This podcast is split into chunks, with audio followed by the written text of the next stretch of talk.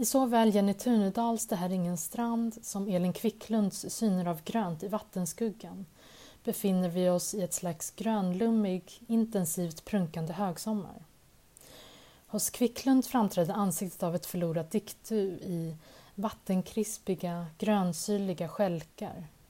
I den omgivande natur vars sinnlighet både översvämmar dikterna men också erfars av ett av sorg avtrubbat och alienerat diktjag, suddigt av saknad. I Tunedals sommar, tung av grönska och allgenomträngande solsken, står sommarens heta stiltje i ödesdigert nära förbindelse med skärselden, avskyn, klassmotsättningar. Diktsamlingarna rör sig intressant nog inom en i mångt överlappande bildvärld. Men snarare än att föreställa sommaren som än den pastorala idyllens och frodandets traditionella plats upprättar bägge poeterna naturens överflöd i kontrast mot ett spektrum av negativa affekter. Tvivel, alienering, sorg, hat och tragik. Bägge är i det kortaste formatet, 18 respektive 16 komprimerade sidor utgivna på pamflettförlag respektive edition Tegnér. Quicklunds diktsamling börjar i ett ögonblick av sinnlig och känslomässig desorientering. Citat. Vattenkrispiga grönsyrliga skälkar, att andas för sent, framträder världen igen ditt ansikte, över tingen, genom sinnena, suddigt av saknad. Jag kan inte längre hitta min blick bland bladen. Varför är jag här igen? Redan från början anländer diktjaget i ett efter, i ett redan för sent. För sent för vad? Kanske för att återkalla ett tilltalat du, som möjligen är en död pappa, vars ansikte framträder suddigt av saknad inför diktjaget i de omgivande tingen och i naturen. Med duets ansikte framträder också världen, en värld som kanske slutit sig för jaget. Den första radens sinnligt överrumplande, krispiga klarhet kontrasteras mot ansiktets suddighet och diktjagets oförmåga att lokalisera sig själv, sin blick i grönskan. Ordet igen antyder ett tillstånd som jaget känner till allt för väl, en slags cirkulär rörelse eller ofrivillig återkomst. Denna kontrast mellan förhöjda sinnesintryck och ett diktjag som är delvis frånkopplad sin omgivning utvecklas också i diktens nästkommande vers där en rad förvrängda och synergetiska sinnesintryck beskrivs. Citat, ljuset glider in mellan träden allt mer sällan. Man är ensam inuti och utanför sommaren.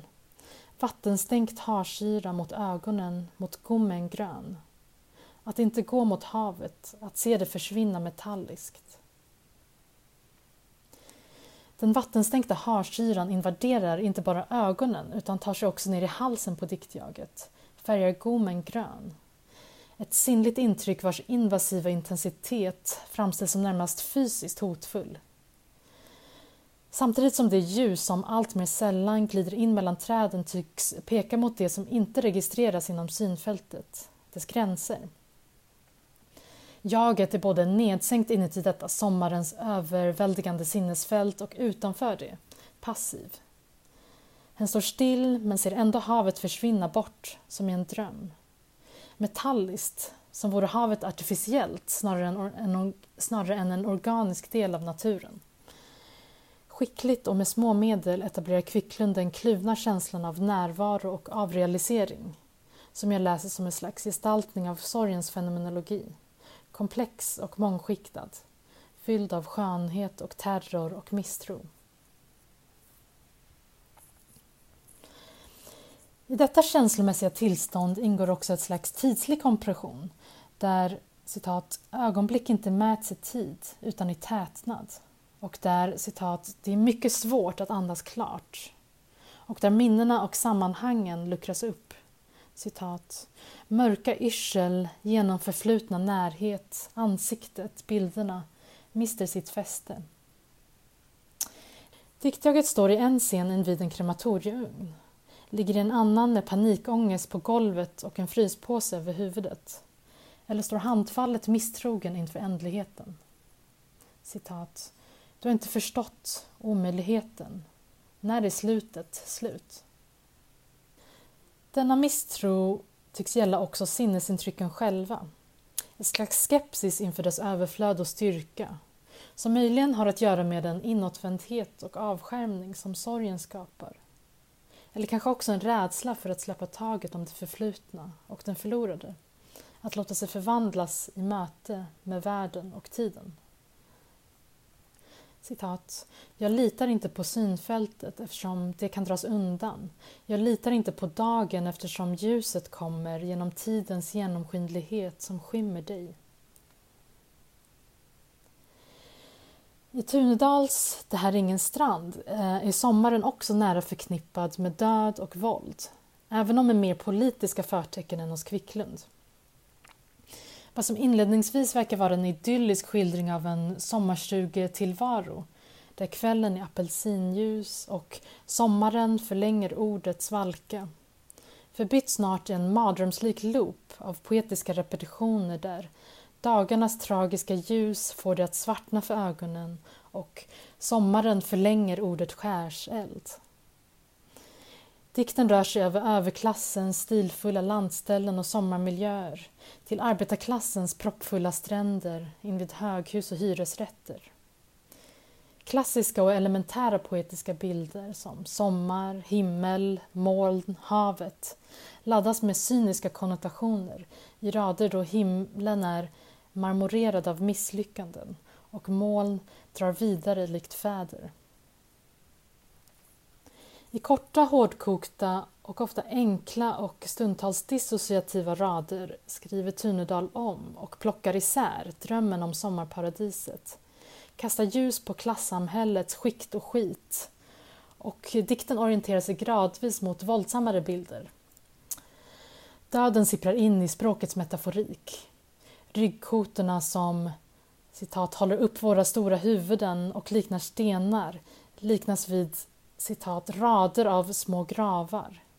Och månaden maj, citat, är aska i munnen. Kall aska strös ut på perenner och gravar. Och dikten rör sig till slut in i ett slags nekropolitisk undergång. Vi ligger alldeles stilla timtal, som en dröm om att vara uträknad. Gräv oss svala gropar, otydliga gravar. Pölar som ser ut som himlen. Blankt som den blanka smärtan, inte kan den nå oss här. Jag lägger mig ner på madrassen utan att säga ett ord. En lögn om att vara utslagen. Du kan stå kvar i drömmen rasande. Avlagringar av ljus inuti ögonen. Dagsljus som inte går över. Katastroftankar om höghus, stora farliga gardiner. Lågor slår ut genom fönstren. Alla fönster är tillfälliga, i hörnet lampa och palm. Dikten rör sig snabbt mellan bilder och platser. Rör sig här från en dröm om att begravas till en slags vision om en höghusbrand. Men där Kvicklunds bildspråk är koncentrerat och avklarnat känns Tunedals dikt ofta onödigt överlastad och pratig. Även om den större och mer generella tematiken är tydlig hos Tunedal ehm, så blir de hastiga kasten mellan associationsnivåer och miljöer svårgenomtränglig och enigmatisk på ett sätt som snarare än sporrar blir utmattande och uttråkande för en läsare och jag hade önskat en tydligare renodling av den litterära formen. Och det här är inte detsamma som att göra dikten mindre vildvuxen utan att klargöra vad syftet med denna vildvuxenhet eller dissociativa stil är. Vem är till exempel den lyriska rösten? Varifrån talar den? Kvicklunds eh, Syner av grönt i vattenskuggan är däremot en lovande debut av en poet som hade kunnat falla in i pekoral modernistisk naturdikt men undviker det genom en skickligt behärskad poetisk form. Återstår att se om hon i framtiden också kan hålla kvar vid denna stramhet, lätthet och kondensation även när hon expanderar sitt diktande i omfång.